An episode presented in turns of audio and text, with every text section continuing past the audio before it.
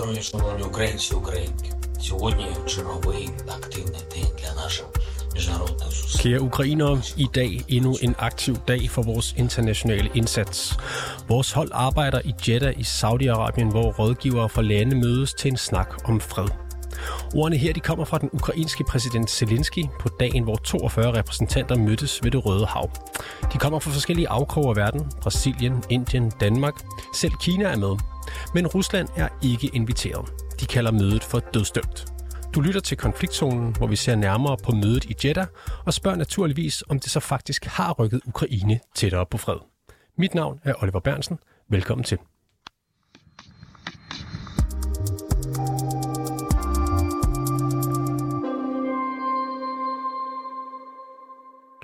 Jakob Korsbo, velkommen til programmet. Jo, mange tak. Du er senioranalytiker ved Tænketanken Europa og forhenværende chefanalytiker i Forsvarets efterretningstjeneste. Nu hørte vi det lige fra den ukrainske præsident Zelensky her. Øh, mødet skulle handle om planerne for fred i Ukraine. Er det så også det, vi har fået? Altså, øh, ja, vi har jo fået øh, et par dage, hvor øh, 42 lande var sammen om at, at tale om øh, principperne for øh, fred. Og her er det meget væsentligt at lægge mærke til, at det er de ukrainske principper, der er udgangspunktet for samtalerne. Øh, og øh, selvfølgelig, Rusland er ikke med og kalder det dødsdømt, men det er meget markant, at 42 lande enes om at drøfte øh, på basis af Ukraines øh, 10-punkts fredsplan.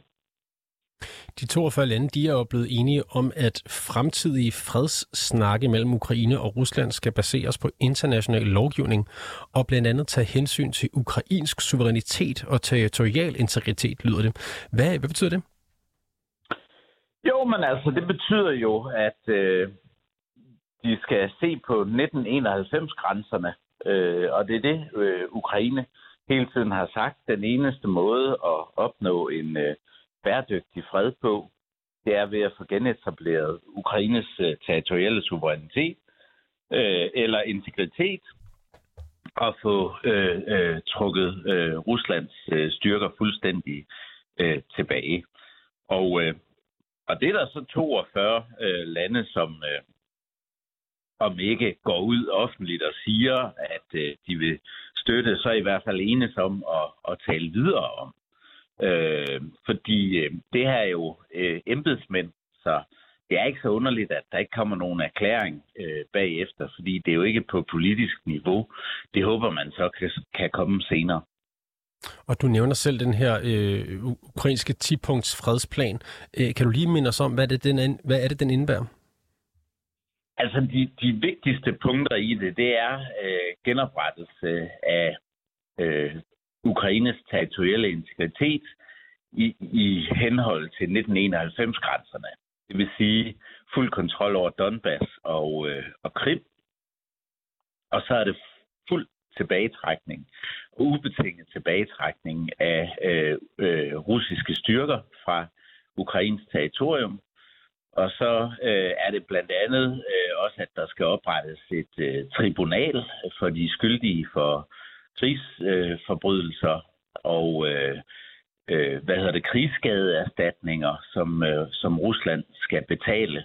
Øh, og så er der en række andre punkter, men det, det er sådan de vigtige, øh, og, og dem som, hvad kan man sige, er, er mest øh, kontroversielle, og, og hvor jeg også siger, at det er bemærkelsesværdigt, at de her lande øh, stadigvæk er med på at, at tale om det som udgangspunkt. Du siger, det er så ikke så overraskende, øh, at der ikke er landet, eller du er ikke så overrasket over, at der ikke er landet noget konkret fra det her møde. Hvorfor ikke? Jamen, det er fordi, at mødet øh, er på embedsmandsplan.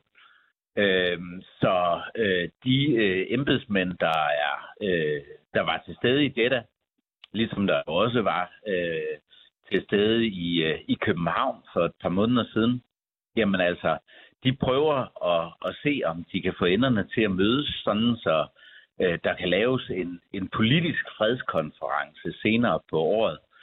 Selvfølgelig vil, øh, er det ikke sådan, som man tror, at, øh, at Rusland øh, vil møde op og underskrive en, øh, en fredsaftale. Mit, min egen udlægning er det, at det er mere hensigten at forsøge på den her måde at, at, at få en samtale med, øh, med et bredt udsnit af ikke mindst lande fra det, man kalder det globale syd, altså Afrika, Asien og, og Latinamerika, og få dem med på at isolere Rusland. Så hvad kan man sige? Det er mere det politiske pres på Rusland, som øh, øh, øh, Ukraine og de vestlige lande på den her måde forsøger og, øh, at få, få bredere opslutning øh, til. Ja, du nævner selv øh, lande fra det globale syd, som jo øh, indtil nu har været sådan lidt tilbagelænet i forhold til, til krigen i, i Ukraine. Øh, har de her lande ændret attitude i forbindelse med det her møde? Altså, det er min, øh, det er min læsning af det, øh, forsigtige læsning, at, øh, at det har de, fordi hvis vi for eksempel tager et land som Sydafrika i, som, som udgangspunkt, ikke Altså, de har været ligesom bannerfører for de lande, der siger, jamen, øh, vi vil have fred nu, øh, koste hvad det vil. Øh, jeg er ret sikker på, at de var, de var redde til at, at forære øh, Rusland, øh, Donbass og, og så videre for at få fred. Men øh, vi ved jo, at øh, den øh, sydafrikanske præsident selv har rejst rundt i både Moskva og, og, og har været i Ukraine Øh, også under et, øh, han var jo i Kiev under et øh, russisk øh, missilangreb. Øh, og øh, min sådan læsning af det er, at de har fået lidt øh, syn for, for sagen og, og har, øh, øh, hvad kan man sige, øh, flyttet sig øh, lidt. Vi ved jo også, at Mette Frederiksen og den øh, hollandske regeringsleder øh, Mark Rutte var i, øh, i Pretoria øh, i, øh, i Sydafrika for... Øh, for et par måneder siden. Så, så der er en række af de her lande nu, tror jeg, som er, er mere øh, på den øh, ukrainske side. Og der kan man sige, noget af det, der også spiller ind, det er jo den her sabotage øh, af kornaftalen, øh, som, øh, som Putin har stået bag, øh, hvor Rusland har trukket sig ud og, og, og truer med at, at blokere de øh, ukrainske havne og har beskudt øh, kornlager og den slags. Og, og det er noget, der gør ondt på, på landene i det globale syd, fordi det presser kornpriserne op. Og, øh, og det, det, det er også min læsning, at det er et politisk øh, selvmål af, af Putin. Er der andre, øh, hvad skal man sige, bemærkelsesværdige øh, deltagere ved det her møde ud over Sydafrika? Ja, altså man, man kan sige, at i det første møde i København, øh, der var det jo vigtigt at få øh, et, et bredt udsnit af lande til at, at deltage. Og det gjorde blandt andet Saudi-Arabien, som så blev vært for, for det næste møde, hvilket også var vigtigt, for det er en vigtig repræsentant for Mellemøsten at få, øh, at få ind over også et land, der har gode forbindelser til, øh, til Kina. Øh, og så er der øh, Brasilien, der er Indien. Øh, så, så store toneangivende lande fra det globale syd, Indonesien, må man heller ikke glemme, det er trods alt øh, et par hundrede millioner øh, indbyggere, de, øh, de taler for, så det er et kæmpestort land også.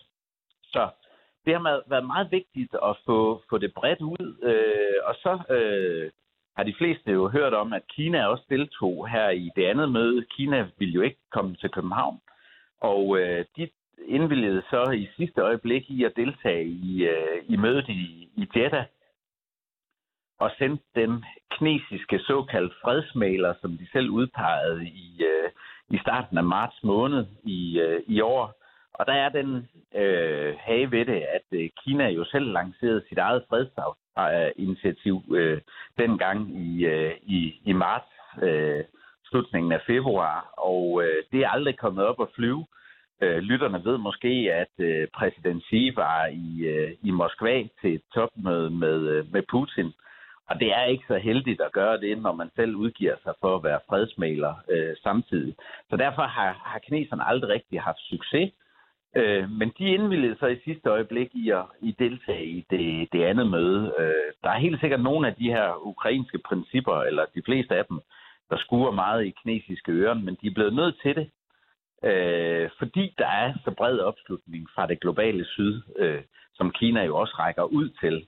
Og derfor, øh, derfor har de ikke kunne sidde tilbage og, og, og lade øh, Ukraine og Vesten og det globale syd finde sammen om det her. Så derfor øh, har Kina sådan kastet sig ind i, i togvognen i sidste, i sidste øjeblik, før det kørte fra perronen. Jakob Korsbro, senioranalytiker ved Tænketanken Europa. Jeg vender tilbage til dig lidt senere, fordi du er nemlig med os i hele programmet. Ja, tak.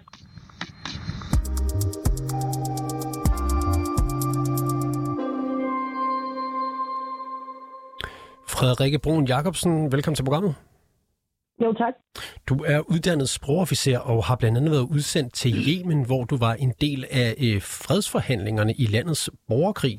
Øh, så du har jo simpelthen ja. øh, praktiske erfaringer med sådan nogle fredsforhandlinger. Øh, kan du prøve at forklare lidt om, hvordan foregår sådan nogle i praksis? Jamen altså, fredsforhandlinger foregår, det er jo en meget, meget, meget lang øh, proces og foregår øh, både gennem mange bilaterale møder med øh, parterne individuelt sammen.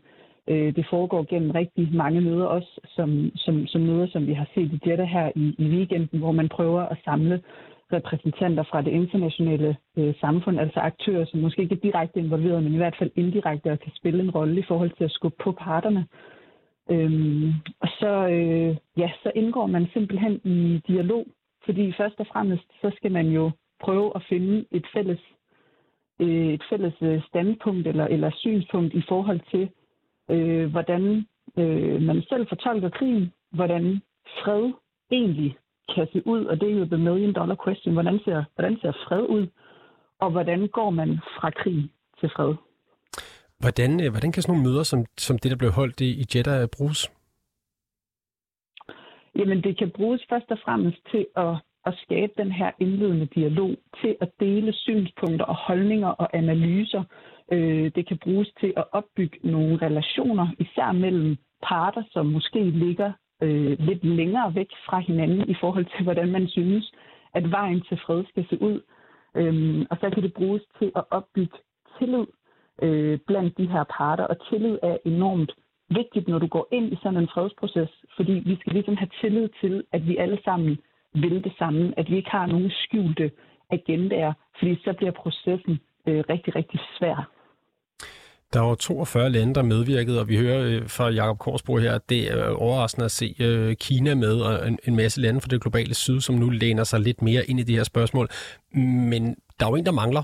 Øh, Rusland øh, er jo ikke med. Så kan man overhovedet bruge sådan en møde til noget, når den ene af de to stridende parter ikke deltager? Ja, det synes jeg, det synes jeg godt, at, at man kan. Det er klart, at når vi nærmer os de deciderede fredsforhandlinger, så vil vi jo gerne se begge parter sidde og tale sammen. Ikke kun ved officielle møder, men også gennem nogle backchannels. Fordi hvis du har en fredsaftale, så er det vigtigt, at begge parter skal kunne se sig selv i den. Ellers så det bliver det svært at få den implementeret. Men forud for deciderede fredsforhandlinger, der skal der, jo, der, der, der skal der jo være en masse drøftelser om, hvordan vi overhovedet kommer derhen.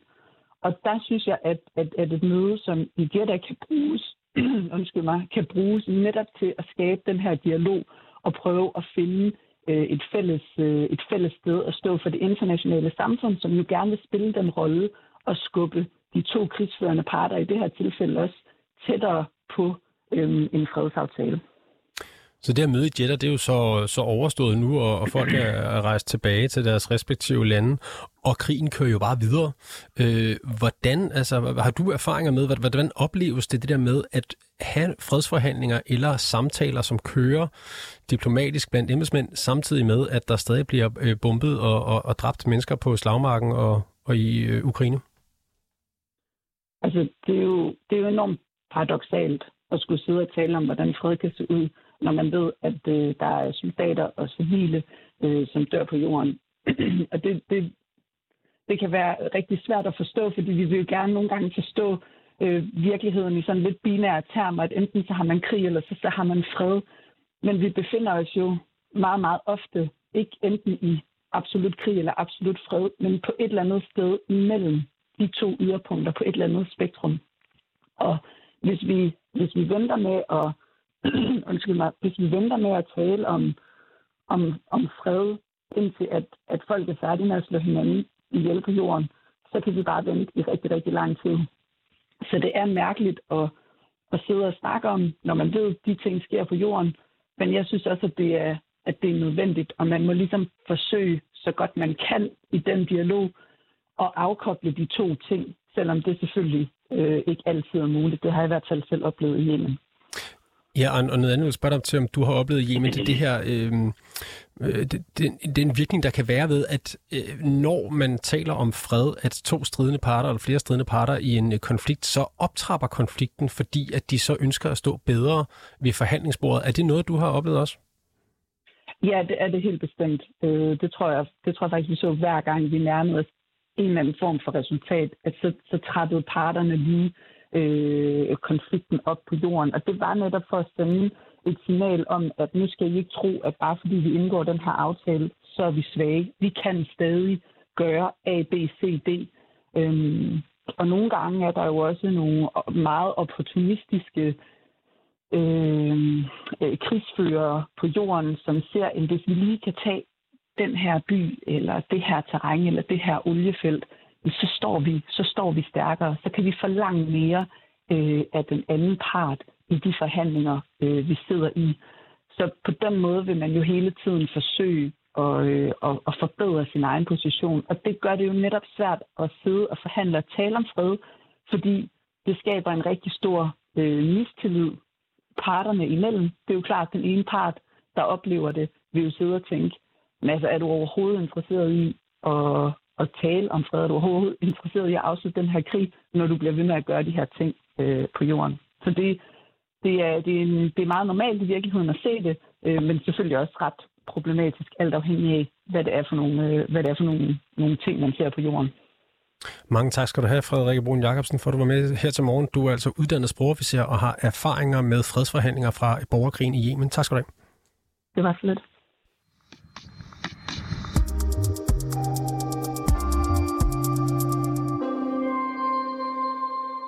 Jakob Korsbro, du fortsætter med på en linje, og du er som sagt senioranalytiker ved Tænketanken Europa og forhenværende chefanalytiker i Forsvarets efterretningstjeneste. Den ø, ukrainske delegation ved det her fredsmøde i Jeddah, de siger selv, at Ukraines position er blevet styrket ved mødet. Vurderer du, at de har det der? Ja, det gør jeg, øh, fordi øh, de 42 lande er blevet enige om at, at mødes igen. Og allerede det er en succes. Øh, man kan sige, det der jo er, er ganske særligt i, i, i det her øh, fredsmøde, for jeg, jeg vil nemlig ikke kalde det forhandlinger, for, for der er jo kun én part med til mødet. Øh, og desuden så tror jeg faktisk ikke på, at der kan opnås en fred, en, en forhandlet løsning, så længe Putin er ved magten. Men det er så en anden sag. Men, men det, der er så specielt ved det, det er, at det er 42 lande, der hvor mange af dem har været neutrale og ikke ville øh, blandes ind i krigen og tage side i krigen, som egentlig accepterer de ukrainske principper. Og derfor er det en, øh, derfor er det en succes øh, allerede nu. Så Zelensky, han kan, kan godt tage til hjem for det her møde, eller han har fået det ud af møde, som han, øh, hvad skal man sige, havde håbet på? Altså man kan sige, fra, fra Ukrains side øh, vil man selvfølgelig håbe, at alle øh, stemplede øh, den her 10-punkts fredsplan med det samme, og så sagde jeg selvfølgelig og lavede en politisk erklæring og sagde, Rusland skal ud nu. Men det, det er landene ikke klar til. Og, øh, og der kan man sige, at det her diplomati i forhold til det globale syd, er det også vigtigt for alle landene, at de giver det tid øh, og ikke presser for meget, fordi der er hele det her spørgsmål om øh, kornpriser, for eksempel øh, råvarepriser, hvor hvis, hvis de bliver presset for meget og presset til at, og, hvad kan man sige, presse Rusland økonomisk, jamen så løber de selv ind i flere, 40, flere endnu flere øh, øh, sultproblemer øh, og stigende råvarepriseproblemer. Og det, det er et at opleve det, når man sidder i, i trygge og rige Danmark, men øh, men hvis du bor i, i Kenya eller i Senegal, så, så, så kan det godt være lidt noget råd, hvis, øh, hvis prisen på mel det bare suser, suser der ud af. Så kan du ikke få til dagen og vejen. Eller hvis du øh, bor i Indien øh, et eller andet sted. Øh, så, så på den måde må Vesten ikke presse øh, landene fra det globale syd, øh, sådan så det kan ramme dem økonomisk, og, og de vil få endnu større øh, sult- og fattigdomsproblemer. Hvis vi nu øh, ser det fra den anden side, nemlig den russiske, så siger de jo efter mødet her, at det diplomatiske initiativ er dømt til at mislykkes. Det er vel nærmest noget, de skal sige, eller hvad? Ja, det skal de i hvert fald. Og de, de skal også sige, at, øh, at, at det her møde i Jeddah, det er rent pup, øh, fordi det bliver de jo nødt til. Øh, jeg, jeg, jeg tror dog dybest set, at de frygter det, fordi øh, de kan godt se, at nogle af de lande, øh, som, øh, som har siddet på hegnet og ikke vil tage, tage del og, og part i, øh, i konflikten, øh, de er på vej til at, at, at hvad kan man sige, nærme sig de, øh, de ukrainske positioner. Øh, og så, som jeg sagde før, der er en række russiske øh, selvmål, der er blevet scoret, altså kornaftalen, de her fortsatte terrorbombninger og så videre, så videre. Det er også mere tryk til at, at trykke de her lande i retning af Ukraines og Vestens øh, synspunkter. Så, så russerne øh, frygter det uden tvivl, selvom de selvfølgelig skal sige noget, øh, noget andet. Hvis vi nu prøver at binde sløjfe på det her møde og ligesom øh, holder resultatet af det op imod det, som var formålet, nemlig at skabe en plan for fred og dermed begyndelsen på en afslutning på krigen. Hvor langt er vi så fra fred i Ukraine? Altså, der mener jeg stadigvæk, at, øh, at vi er meget, meget langt, og, og der skal meget mere til end det her. Man kan sige, det som øh, ukrainerne håber, det er, at der kan laves en politisk fredskonference på basis af de ukrainske principper inden nytår. Det er det, som ukrainerne selv har sagt, at det håber vi. Så hvis de for eksempel kan få udenrigsminister, øh, forsvarsminister eller måske endda statsledere fra alle de her lande med til en ukrainsk baseret fredskonference i, øh, i slutningen af året, jamen så vil det være, så vil det maksimere det politiske pres på Rusland og, og få Rusland til at se isoleret ud med lande som Nordkorea og Syrien og Mali øh, og Eritrea øh, og, og, og den type lande. Ikke? Og, og det er ligesom et scenarie, man fra Ukrains side øh, rigtig gerne øh, vil have. Øh, men i forhold til fred og en aftale om fred, så, så tror jeg først, vi vil se det ske, når, når Putin bliver, bliver fjernet. Og, øh, og der er mange andre øh, variable, der spiller ind på, på det. Jakob Korsbro, tak fordi du var med. Selv tak. Jakob Korsbro er som sagt senior analytiker ved Tænketanken Europa og forhenværende chefanalytiker i Forsvarets efterretningstjeneste.